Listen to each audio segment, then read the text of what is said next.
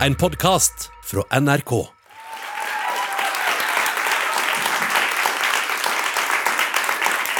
Velkommen, velkommen til denne kvelden på Litteraturhuset i Bergen i regntungt vær. Og vi er samlet her på en ny norsken, svensken og dansken, denne gangen om feminisme og sex. Og jeg kan røpe for de av de som lytter på her, at da vi begynte å jobbe med dette arrangementet, så la vi ut en Facebook-video fra statskanalen DR. Og dette klippet ble faktisk sensurert.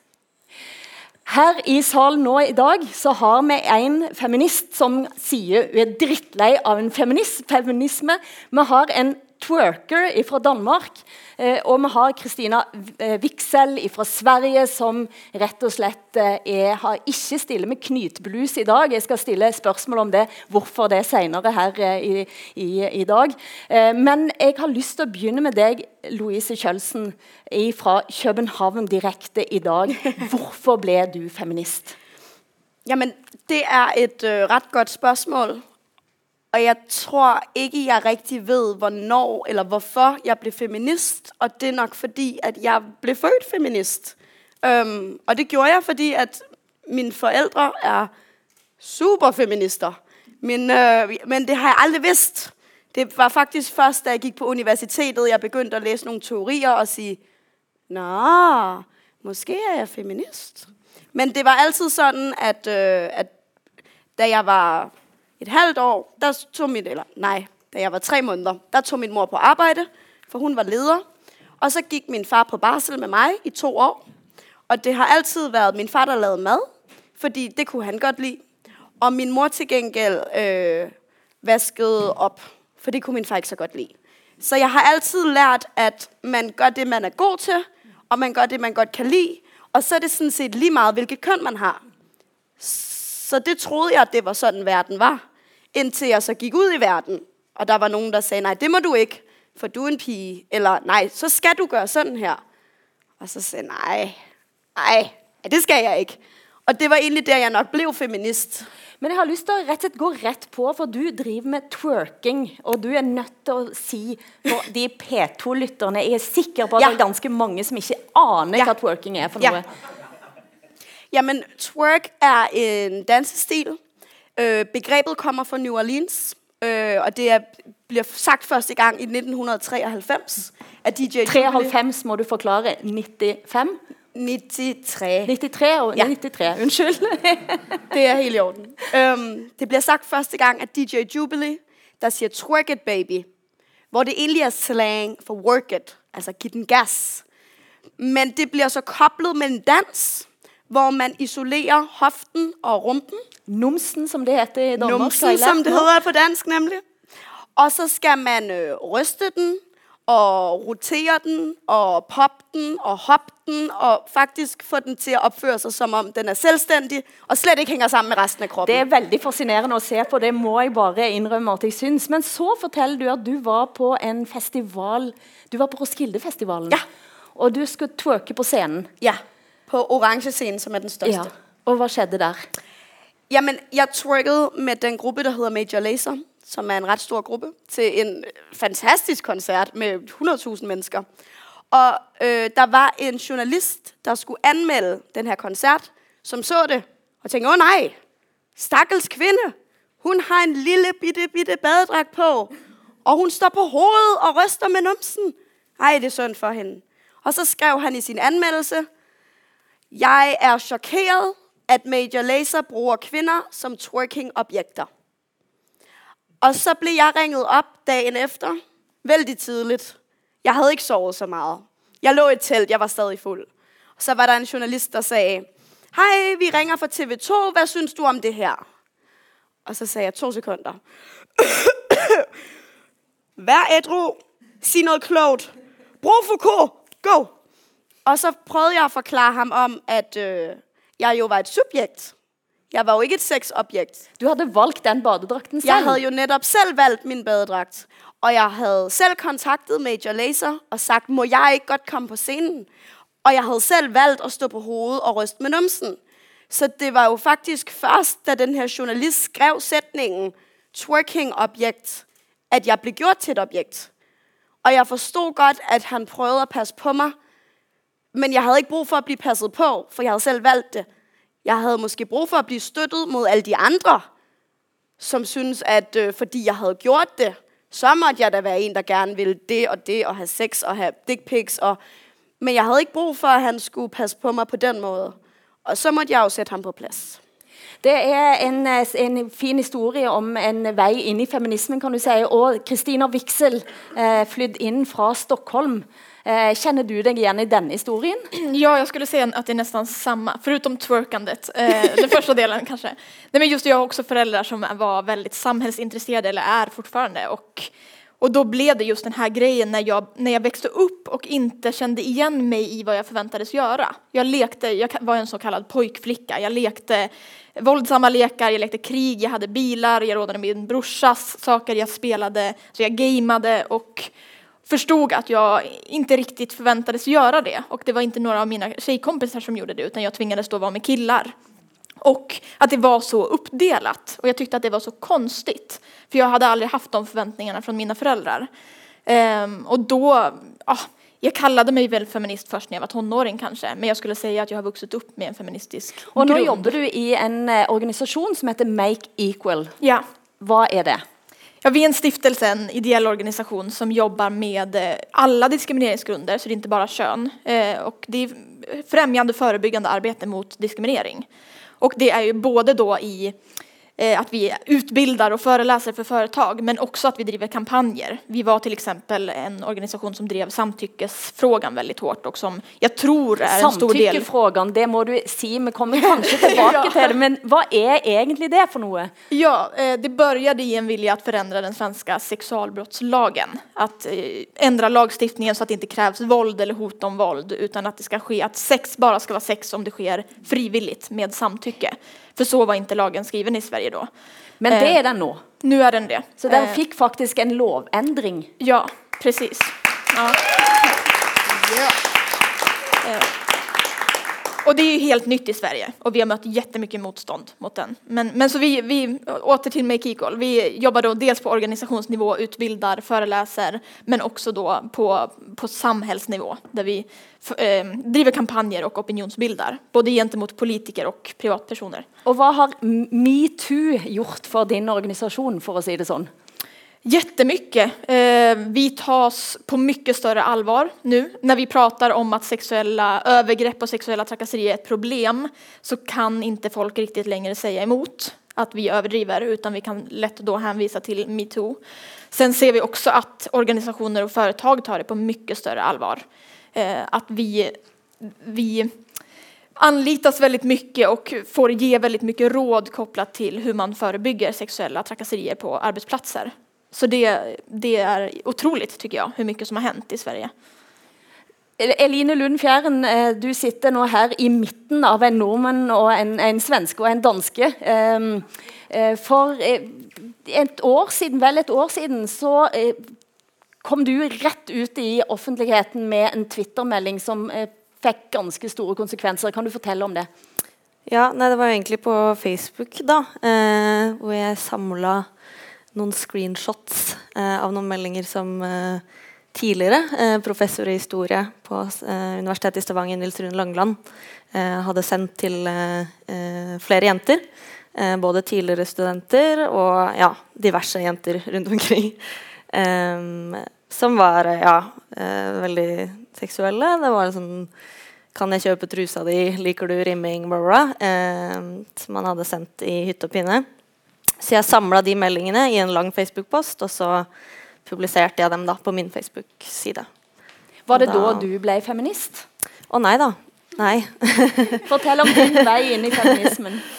Eh, det begynte vel egentlig med at jeg som 14-åring vel meldte meg inn i Rød Ungdom, som er ungdomspartiet til Rødt. Eh, eh, og det første jeg gjorde som ungt medlem der, var å dra på feminismefestival, eh, som de arrangerer da, eh, med jevne mellomrom eh, i Oslo. Eh, og da var det første gang jeg liksom fikk lære om de tingene der. Da. Og det ga veldig mening for meg.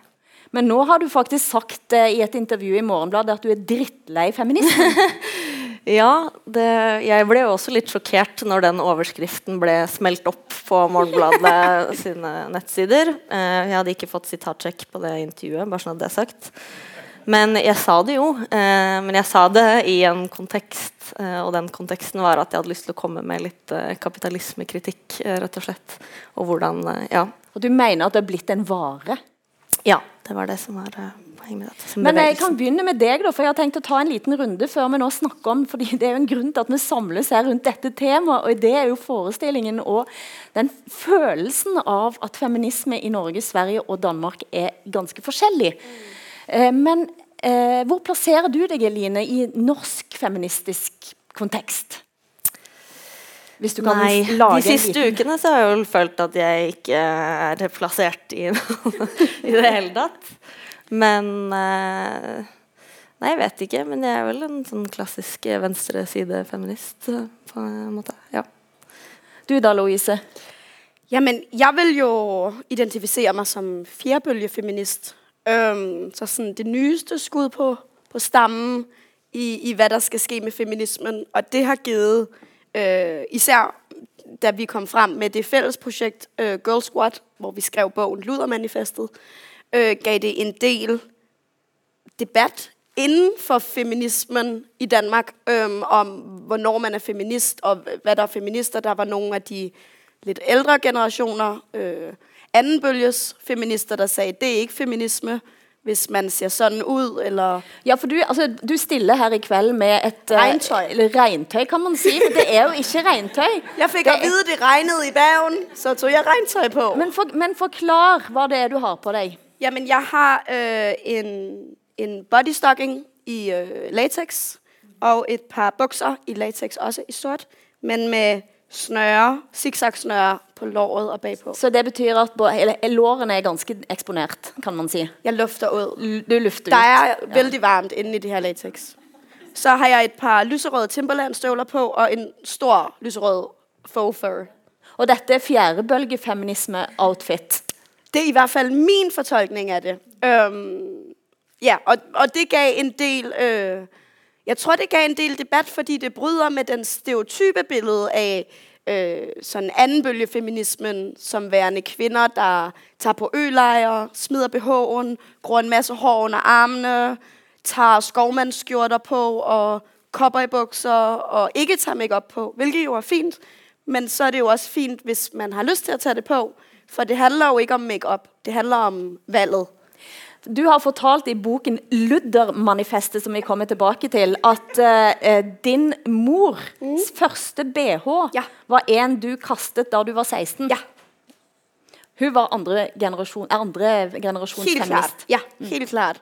Øhm, hvilket jeg er rigtig glad for, fordi hun har været øh, modvægten på vægtskålen, da jeg voksede op, og medierne sagde, du er for tyk, eller medierne sagde, du skal bruge makeup, eller medierne sagde, du skal barbere dine ben.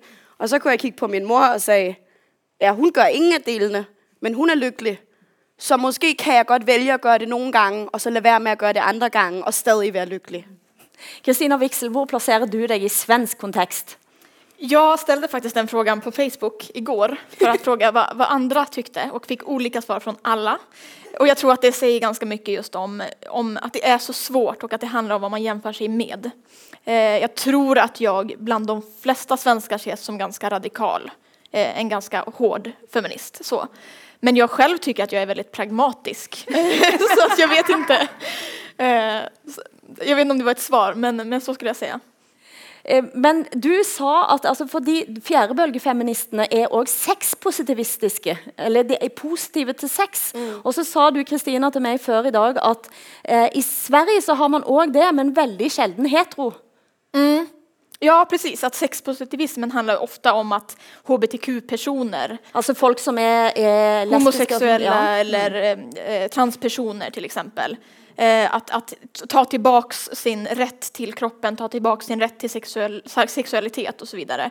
Så det är mycket där sexpositivismen syns i Sverige. Mm. Eh, men jag tycker att det är ett ord, jag tycker det är så svårt att prata om sexpositivism för det kan betyda så olika saker.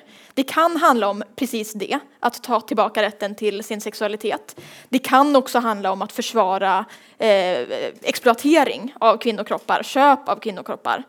Och det är det som att, att uttala sig generellt om sexpositivism är jättesvårt. Men vad syns du om outfiten till Louise för exempel? Jag tycker den är skitsnygg. Praktisk idag när det regnar också. Hon har också fått lov till att lukta ned på toalettet. Jag kan helt själv komma in och ut av det. Jeg er nødt til å vise nå, bare for denne tonen da, vi skal vise og høre et klipp fra dansk radios eh, tv-program eh, som har gått i beste sendetid. La oss høre på dette, så skal jeg forklare litt undervejs.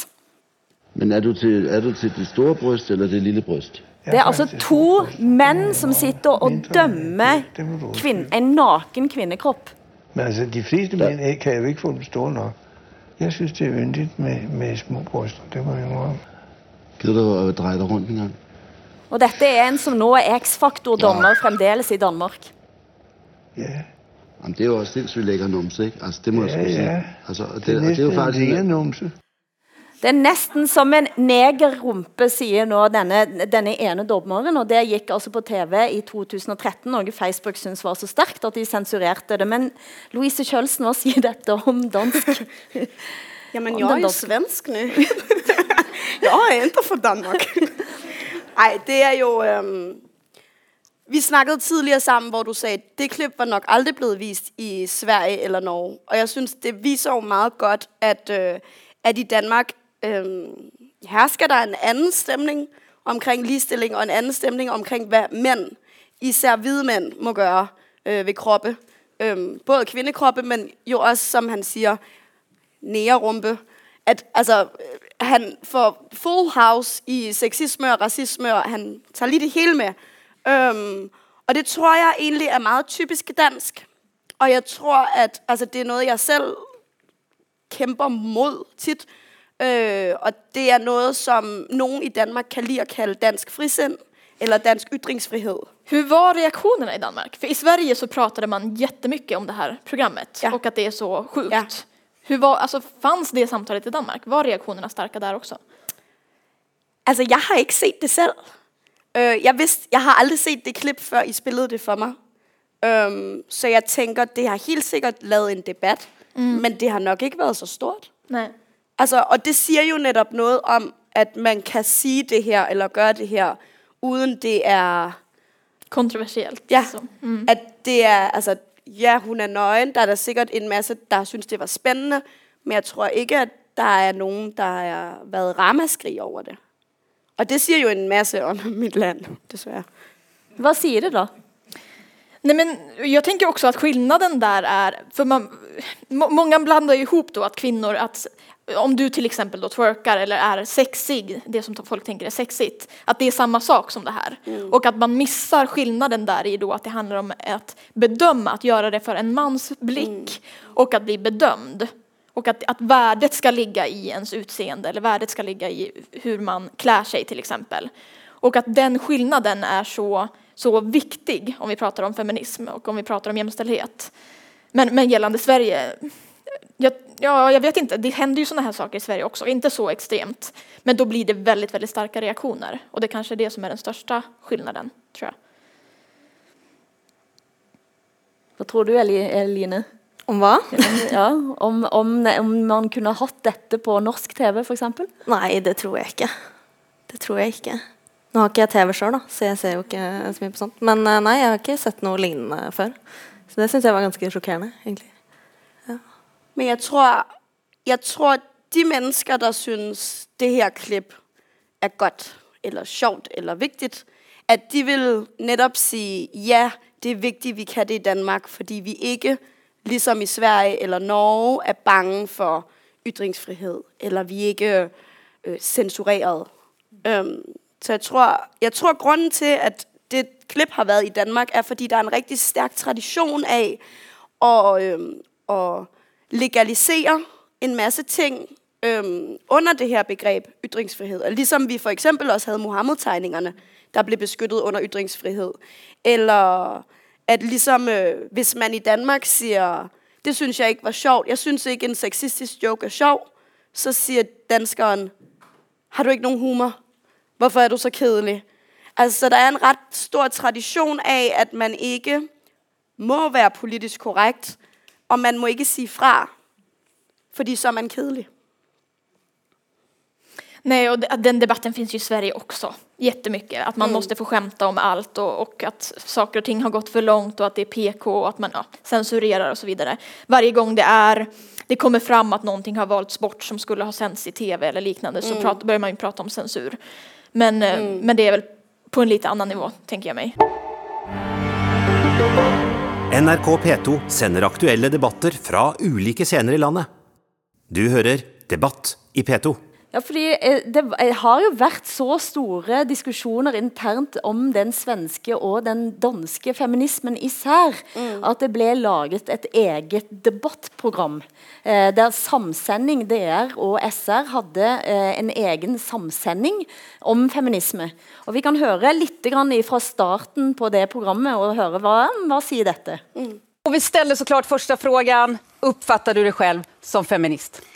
Betragter du dig selv som feminist? Selv på sådan et simpelt spørgsmål er der kolossal uenighed i henholdsvis Danmark og Sverige. Dem, der svarer ja i nogen eller høj grad, det er 27 procent af danskerne, men 52 procent, altså noget, der ligner det dobbelte af svenskerne. Janne Jørgensen kommer ned en gang, Veronica Palm kommer op på gulvet.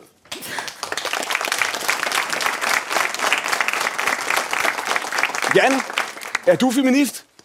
Det, det tror jeg bestemt ikke, jeg er. Altså, jeg vil også synes, det lød lidt mærkeligt, hvis man som mand var feminist. Jeg betragter i Danmark, øh, tror jeg ikke, jeg har mødt nogen mand, der kalder sig selv øh, feminister. Jeg skrev en gang øh, på Facebook for sjov, så skrev jeg, jeg er maskulinist. Ja. Så var der en, der skrev, hvad Oh betyder my det? Så sagde jeg, det ved jeg ikke. Men jeg er heller ikke sikker på, at jeg ved, hvad feminist betyder. Hvad betyder feminist, Veronica?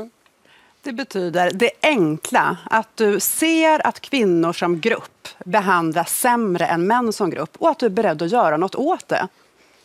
Det är inte mer komplicerat än så. Jamen, så, så, så er jeg ikke feminist, fordi det er jeg fuldstændig uenig i. Jeg du mener- tycker inte man ska göra något åt det? Jo, jo, men jeg mener ikke, at kvinder bliver be- behandlet øh, dårligere end mænd. Jeg mener, i hvert fald ikke i Danmark, muligvis i Sverige. Men i Danmark, der behandler vi mænd og kvinder øh, lige godt.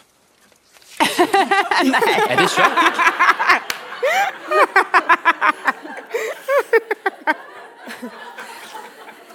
Altså, her hadde vi da to politikere. Eh, nå sitter vi og diskuterer feminisme i Norge, Sverige og Danmark, og her har vi da altså en, eh, en mannlig politiker fra Venstre i, i Danmark, og en sosserne dame fra Sverige, eh, Eh, som diskuterer feminisme.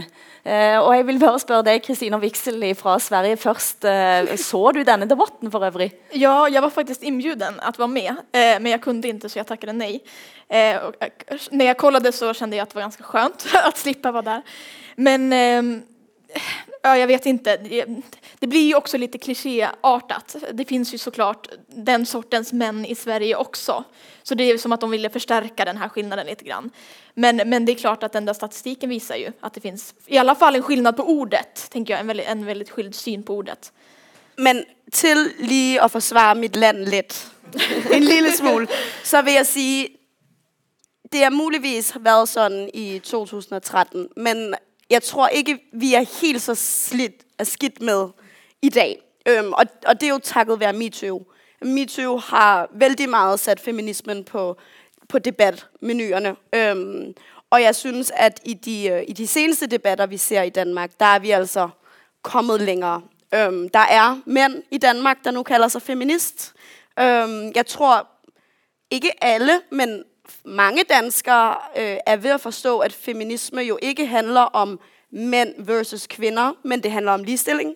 Hvilket jeg egentlig også vil kritisere svenskeren for at sige, at feminisme jo ikke handler om kun mænd og kvinder, der bliver, der bliver forskelligt behandlet. Det handler jo om alle former for undertrykkelse inden for det patriarkalske system. Øhm, men vi har en ligestillingsminister i Danmark, øh, Eva Kær, der, da hun blev ligestillingsminister, blev hun spurgt, er du feminist? Så sagde hun nej.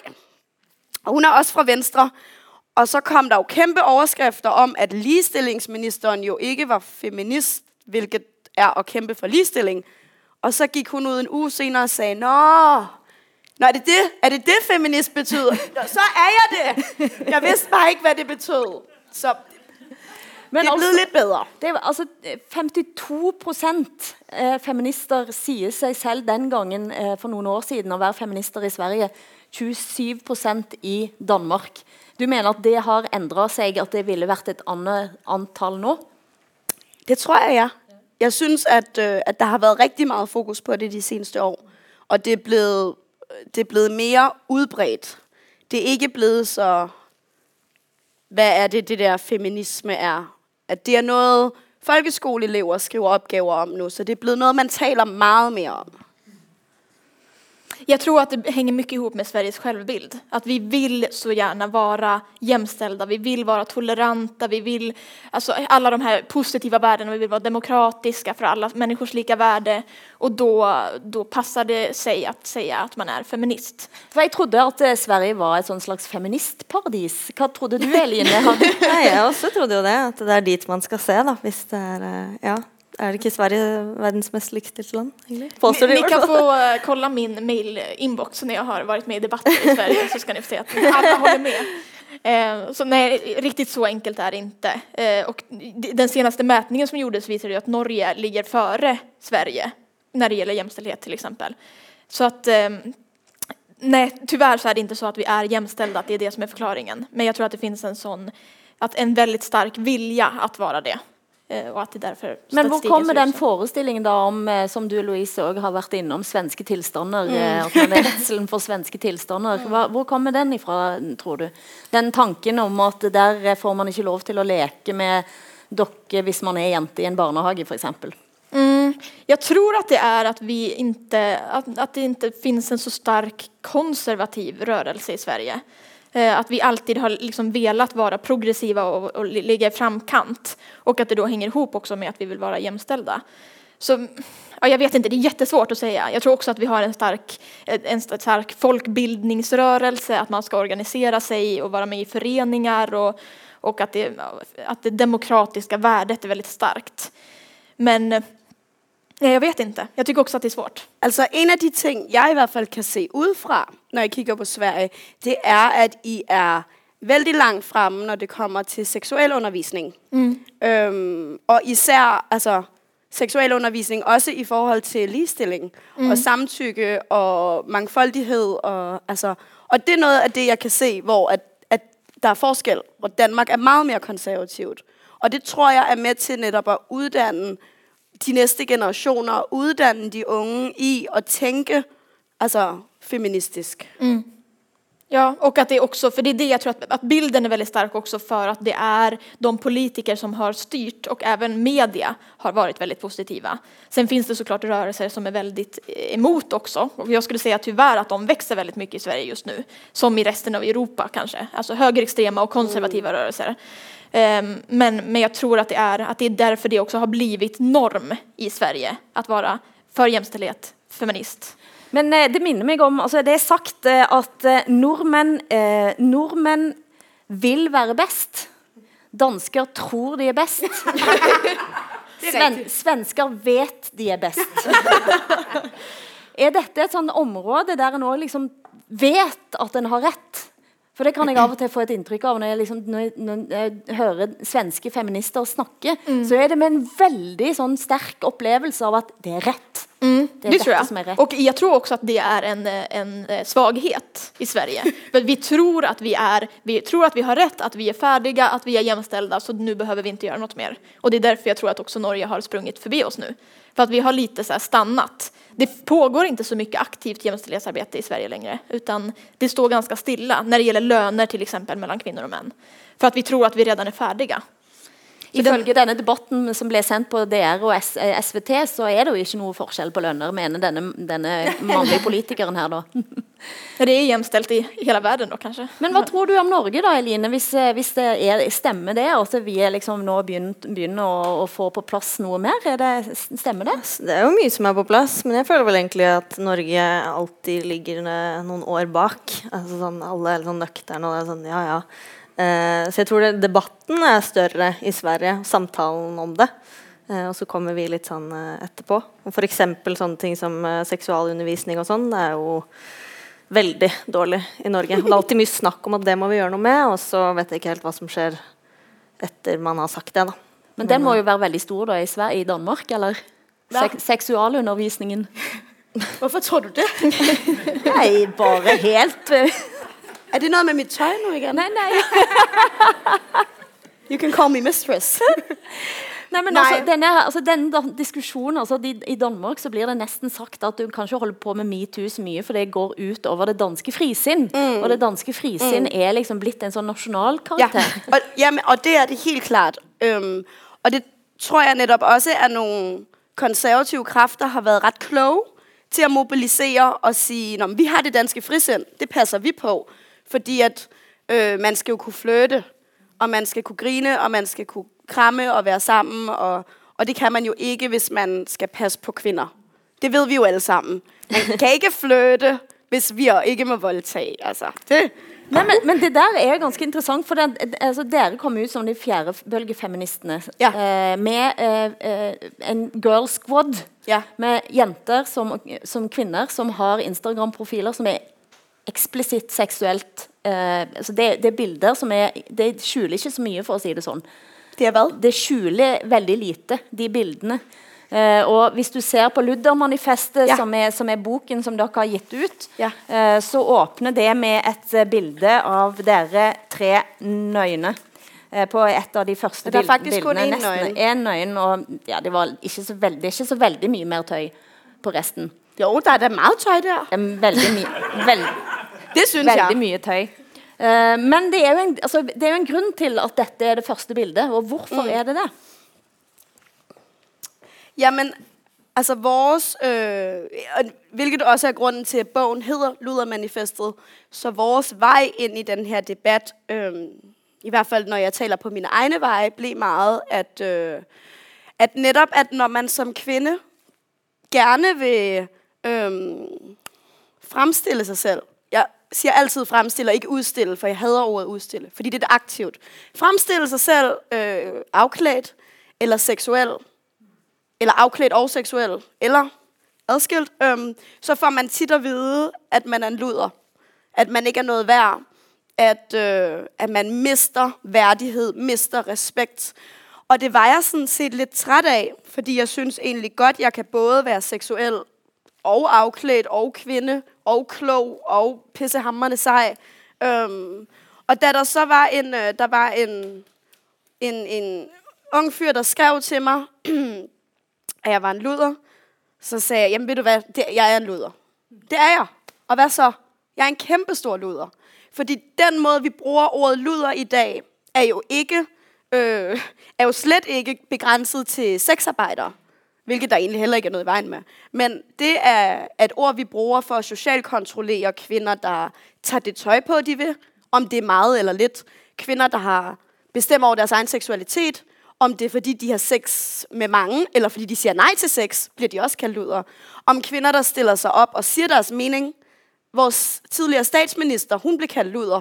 Hun er der om nogen vældig konservativ. Øhm, så det, jeg ligesom havde fundet ud af, var, at luder havde ikke noget at gøre med mig. Det var et ord, andre, især mænd, brugte om mig, når de gerne ville have, jeg opførte mig på en anden måde. Det var social kontrol. Det blev brugt som en form for skammekrog for kvinder. Hvis man kaldte en kvinde en luder, så mistede hun sine øh, privilegier som god kvinde i samfundet. Man skal ikke respektere en luder. Og så kunne hun sidde over i skammekrogen. Har I det udtryk også på norsk? Skammekrog? Absolut. Ja. Sitter der hele tiden. Så kunne hun nemlig sidde der i sin time-out og tænke over, hvad hun havde gjort. Og når hun gerne ville være med i fællesskabet og få sine privilegier igen, så kunne hun ret ind. Så det, jeg fandt ud af, var, at når folk kaldte mig luder, så var det for at bestemme over mig. Og der er ikke nogen, der skal have magt over mig. Så ligesom homoseksuelle gjorde i 80'erne, da de reclaimede ordet gay, fag, queer, og var bare sådan, yes, I'm gay and I'm proud, så sagde jeg, ja, jeg luder. Og hvad så? Og der kom det også med en egen, et eget lite manifest, Mm. eh, som jeg tok med. Du kan læse op det lille manifestet. Ja. Mm. Jamen, der er seks statements. Statement 1. Reclaim ordet luder. Statement 2. Du har ret til at se ud, som du vil.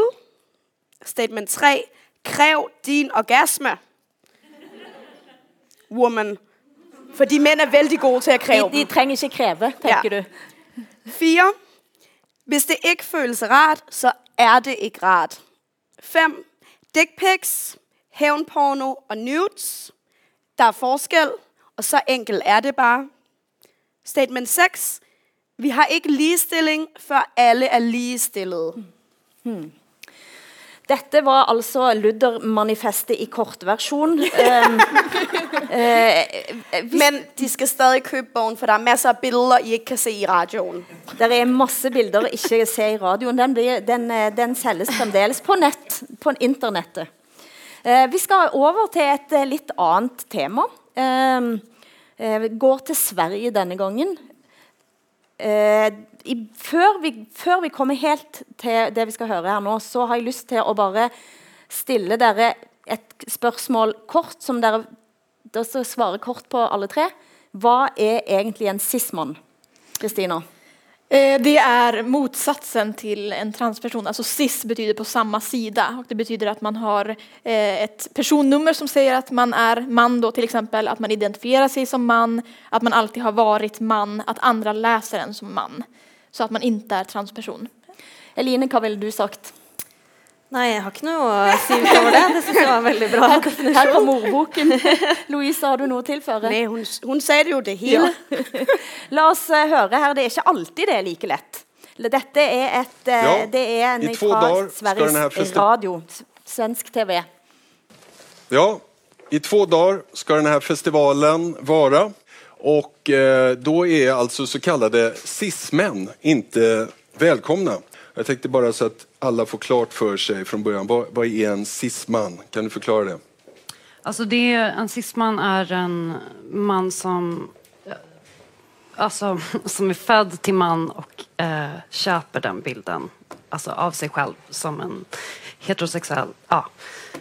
Ma eller alltså, oh. Ja, jag förstår vad du menar. Man, man är den man är, alltså, så man, är den. Det, man har sin biologiska ja. kropp och känner sig Nu blir det så här, när man ska gå in på de här begreppen ja. så blir det så himla snårigt sådär. Men, Men det, det, kan vara bra att känna till att just cismän är uteslutna. Om man inte är en cisman så är man välkommen.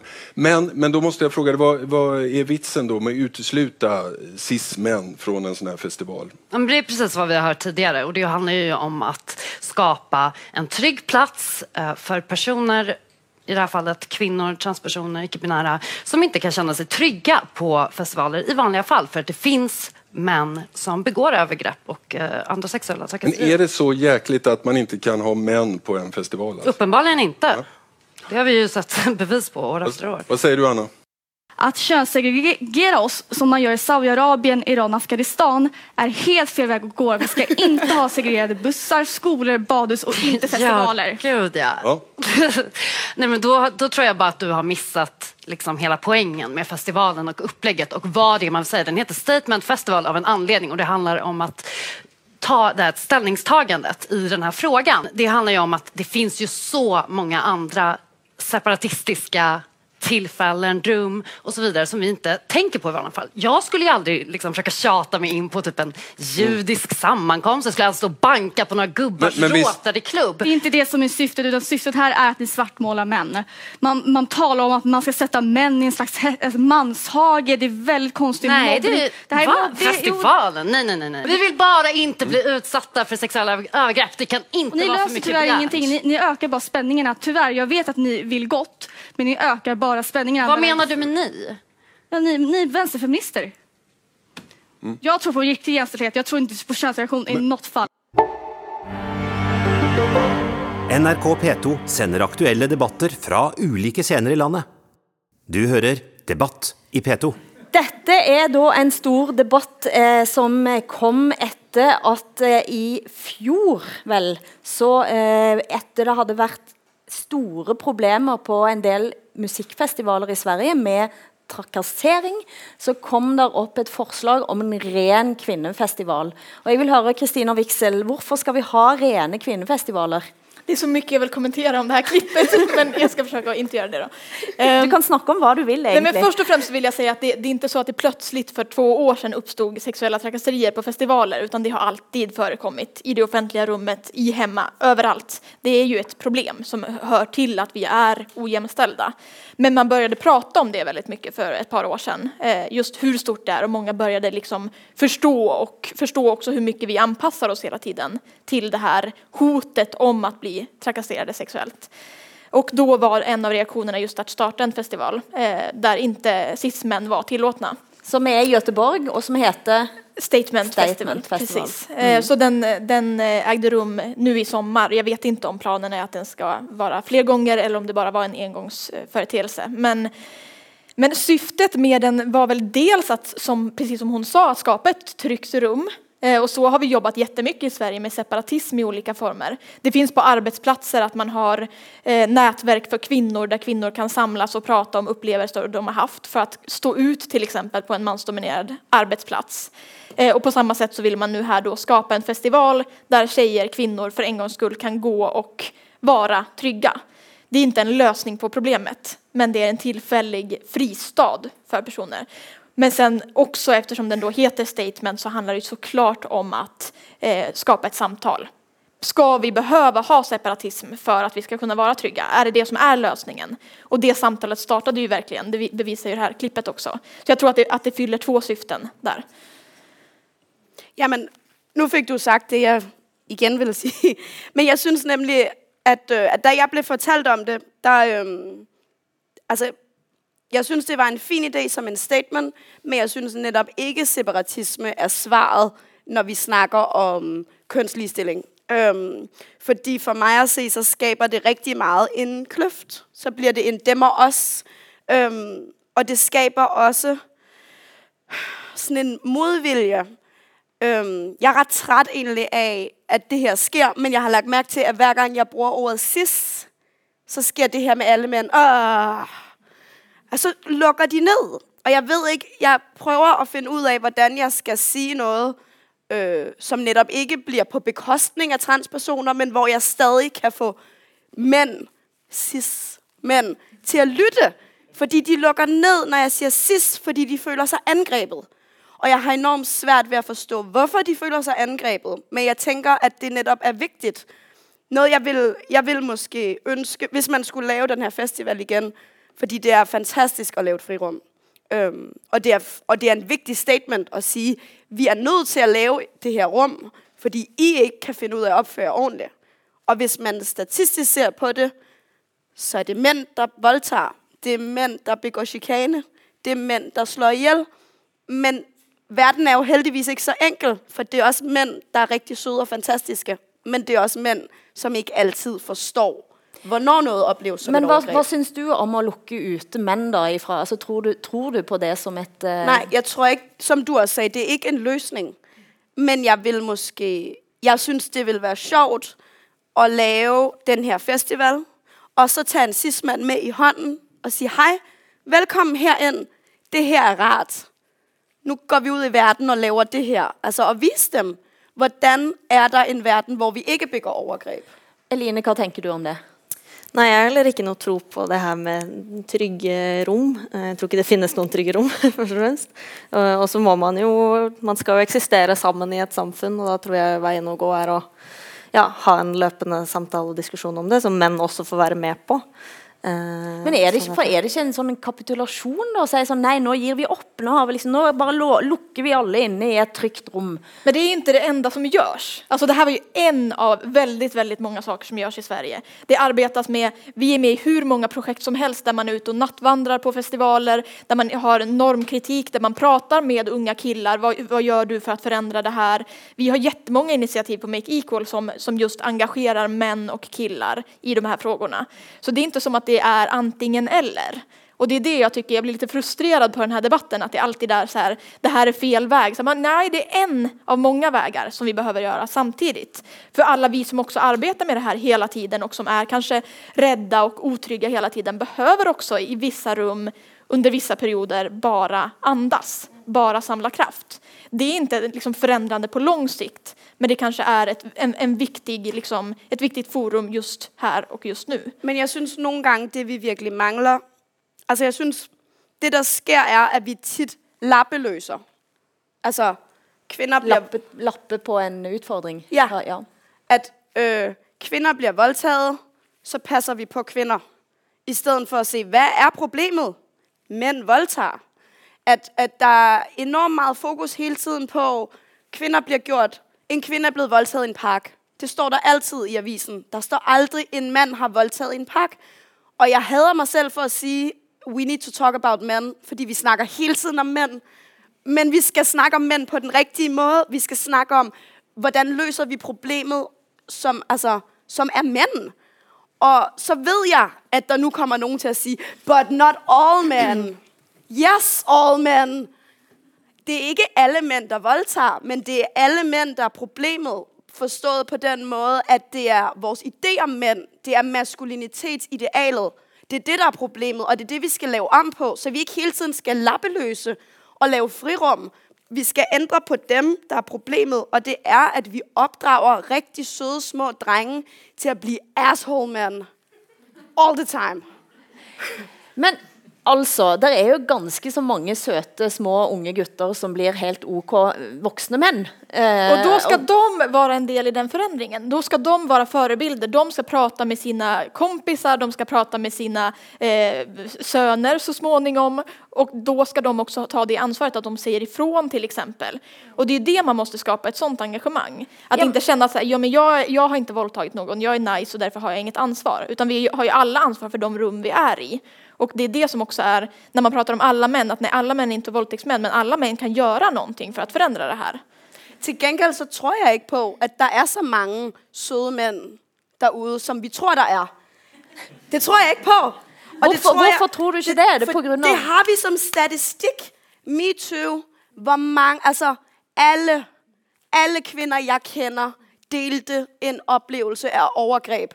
Og nej, det var ikke alle sammen voldtægt, men det var at blive taget på rumpen i en klub, det var at blive råbt efter på cykel, det var at blive kysset på af en, som man havde taget med hjem, uden at have sagt ja til det. Og problemet er, at mænd, og nu snakker jeg til alle mænd i Norge, nu lytter I efter. Overgreb er ikke voldtægt. Overgreb er hver gang I gør noget, der ikke føles ret på mig. Men Eline, nu må du komme på banen. Eline drikker øl. Ja, jeg drikker øl. Jeg blir veldig stresset av den samtalen. Nei, altså Et av mine poenger når jeg, jeg altså, Den eh, teksten i Morgenbladet som jeg jobber for, eh, handla jo litt om at jeg eh, etterlyste at man, man må få lov til å liksom, stille spørsmål ved hva som er overgrep og seksuell trakassering, og hva som er f.eks. en kjip seksuell opplevelse eller typ dårlig sex. Og det må være et legitimt spørsmål å få spørre. Eh, og så tror jeg at mye av problemet handler om kommunikasjon, eh, som jeg tror at eh, seksualundervisning f.eks. er en eh, god løsning på. Da. Og jeg tenker jo eh, som feminist også at jenter er også kvinner, eller er, kvinner er også mennesker, og er i stand til å være ondskapsfulle, umoralske, klønete i en seksuell sammenheng. Eh, Men jeg er ikke enig med det første, du sagde. Hva var det? Du sagde, vi skal se forskel på, hvad der er overgreb, og hvad mm. der er dårlig sex. Mm. Det har vi snakket vældig meget om i Danmark. At, at hvornår går noget fra overgreb til sex? Eller fra sex til overgreb? Som om der er en glidende overgang. For jeg vil sige, overgreb og sex er de to længst væk fra hinanden ting i hele verden. Der er ikke, altså, for hvis vi kigger objektivt på det, så er der ganske stor lighed mellem et, et normalt samleje og en voldtægt. Mm. Objektivt. Aktiviteten er meget det samme. Men intentionen, magten, hvad handler det her om? Fordi sex, det handler om noget, man har lyst til. Mm. Det gør overgreb ikke. Overgreb er aldrig noget, man har lyst til, fordi overgreb er magt. Og magt og sex, de to ting er helt forskellige. Så derfor så tror jeg ikke på, altså jeg er helt uenig i dig, med dig i, at der bliver blandet dårlig sex ind i det. Jeg, jeg ser mere, at vi snakker i MeToo om et spektrum, hvor der er milde Men få lov og Poenget mitt var altså, sånn, spesielt med tanke på seksuell trakassering. Altså, sånn, en, en, altså, sånn, du kan ha en situasjon som eh, enten kunne ha vært liksom, en kjip, dårlig flørtesituasjon, men som i en annen situasjon kunne ha vært seksuell trakassering. Altså Én ting er jo på en måte å få en sånn halvfrekk kommentar når du er ute på byen. Det kan enten være gøy eller så kan det være kjipt. Men noe helt annet er det hvis du, sjefen din kommer inn på kontoret ditt og sier det. Eh, da er det truende. Da er det noe helt annet. Da. Jeg tror Man må se på kontekst og relasjon da, når man snakker om disse tingene. Man må alltid se på kontekst og relasjon, men, men det, der er jo, det der gør det her så svært, tænker jeg, det er jo det netop handler om grænser. Og vi har alle sammen forskellige grænser. Og det jeg tror problemet er, altså det jeg gerne vil sige til mænd, det er hvis, hvis man går ut i verden og tænker, mine grænser er lik dine grænser, så jeg gør noget, jeg godt kan lide, så kan du også lide det. Så blir det et problem. Fordi at at jeg som kvinde oplever verden helt anderledes end dig som kvinde, eller dig som mand, eller dig som whatever du identificerer med. Og derfor så kan man være en rigtig sød, god mand og tænke rigtig gode intentioner, men det kan blive oplevet som et overgreb. Og vi skal for mig at se derhen, hvor vi ikke kun snakker om, når noget er så voldsomt, så det er en voldtægt, men vi godt kan snakke om, det du lige gjorde, det synes jeg ikke var rart. Og så skal man ikke sige, det var bare for sjov. Hvorfor er du så kedelig? Så skal man si det må du unnskylde, det gjør jeg ikke igjen. Mm. Men altså, jeg snakker med ganske mange menn også, som blir ganske usikre og småengstelige av, av alt dette. Mm. Jeg syns det er bra. Det. det er bra, men jeg tror, jeg tror kvinner også blir det. Altså jeg tror uh, Det er mange kvinner jeg kjenner, og meg selv inkludert også, som også Jeg tror de fleste av oss har kløna med sånne ting. I hvert fall i en ja, typen, man er på byen-situasjon og kanskje liksom vært for pågående, gjort noe man kanskje ikke er så stolt av. Da, på en måte. Og det må det være lov å, å snakke om, syns jeg. Og i den teksten som jeg skrev, så brukte jeg jo den uh, Aziz Ansari-historien uh, som et eksempel. Og han var standup-komiker? Ja. ja. Og der er det selvfølgelig der er det sånn, uh, hun, altså sånn, Dette var en jente som het Grace. pseudonym. Men som fortalte en historie på babe.net, uh, eh, hvor overskriften var sånn uh, I went on a date with Aziz Ansari. It turned out to be the worst night of my life. Uh, og så ble jeg sånn åh, oh, gud. og jeg kjente på en sånn skuffelse. Og, og, så leste jeg den, og historien der var jo at hun hadde møtt han på en sånn etterfest, Emmys etterfest. og avtalt at de skulle på en date. Og så går de på en date, og så blir hun med han hjem etterpå. Og så liksom forteller hun det på en sånn måte sånn uh, at hun ble servert Hva var det? Hun ble White servert wine. Ja, hvitvin. Hun, hun, hun foretrakk rødvin, mm. men hun fikk hvitvin. Og så er det sånn, Allerede der da, skal det være sånn frampek på hva som liksom kommer til å skje. da. Uh, som for meg virka liksom latterlig. Uh, og så forteller hun om på en måte en litt sånn ubehagelig eh, seksuell eh, situasjon. Med sånn, de har sex, eh, hun går ned på han, alt det der. Eh, men kjenner hele tiden på et ubehag. Også til slutt så sier hun nei. Og da er han helt med på det. Du kan få kommentere det kort før vi tar nesten Ja. det siste, siste poeng synes- her i dag. Jeg synes netop den her sag blir så tydelig, hvordan vi oplever ting forskjellig. For jeg læste det her helt anderledes enn deg. Jeg hadde så ondt i maven, fordi den historie mindede mig på mange måder om min egen voldtægt. Fordi det er det, man kalder en gråzone. At, at du siger, så skete der det og det og det, og så til sidst sagde hun nej. Hvor jeg synes, hun sagde nej rigtig mange gange. Jeg synes, hun sagde nej, hver gang hun ikke sagde ja. Jeg synes, hun sagde nej, når hun skubbede ham væk. Jeg synes, hun sagde nej, når hun forklarede, at hun stivnede i kroppen. Øhm, så altså, ja, det er latterligt, at hun vil have rødvin i stedet for hvidvin. Det var der ingen grund til det. Og ja, det er problematisk, når der er nogen, der skriver anonymt om nogen, som er offentlig kendt. At der er helt klart noget sammenblanding. Men jeg synes, selve historien, synes jeg hverken var latterlig eller til at grine af. Jeg synes egentlig, det var et rigtig fint eksempel på, at den klassiske voldtægt, der kommer en fremmed ud af en busk, tror dig med en kniv, har samleje med din krop, at den meget sjældent sker, men vi ofte oplever overgreb i en form for gråzone, som vi har enormt svært ved at tale om. Det er jeg helt enig i også, men det er lidt sådan der, hvordan skal man på en måte, når man mister språket da, for hvad som sker, hvordan skal vi forholde oss til det både som, som eh, kvinder og mænd? Så Det blir jo veldig forvirrende for eh, alle parter. og der tænker jeg at liksom, i, specielt i den historien der du skjønner at han liksom gjør en del sånne der pornoinspirerte tilnærmelser. på en måte. der er det f.eks. Sånn, viktig å lære opp unge menn til at porno ikke er sex. Og så er det viktig å lære opp unge kvinner til å, hvordan eh, kommunisere sine egne, sin egen seksualitet, sine egne lyster. Och jag tror att det är det som är så bra med metoo, för att vi då har de samtalen. Och den här, när jag Absolut. säger att det är bra med ängslighet så är det det jag menar. Att vi kan börja rannsaka oss själva, börja prata med varandra. Hur läser jag av andras gränser? Vad är ett ja, vad är ett nej? För det är väldigt svårt att säga nej och de flesta kan inte det. Och då behöver vi lära oss att läsa signaler. Och det är det jag hoppas att metoo kommer ge. Jeg vil si tusen hjertelig takk til Kristina Wiksel fra Sverige, Eline Lund Fjæren fra Norge og Louise Kjølsen fra Danmark i denne samtalen om altså sex og feminisme i Norge, Sverige og Danmark. Tusen hjertelig takk, og takk til publikum.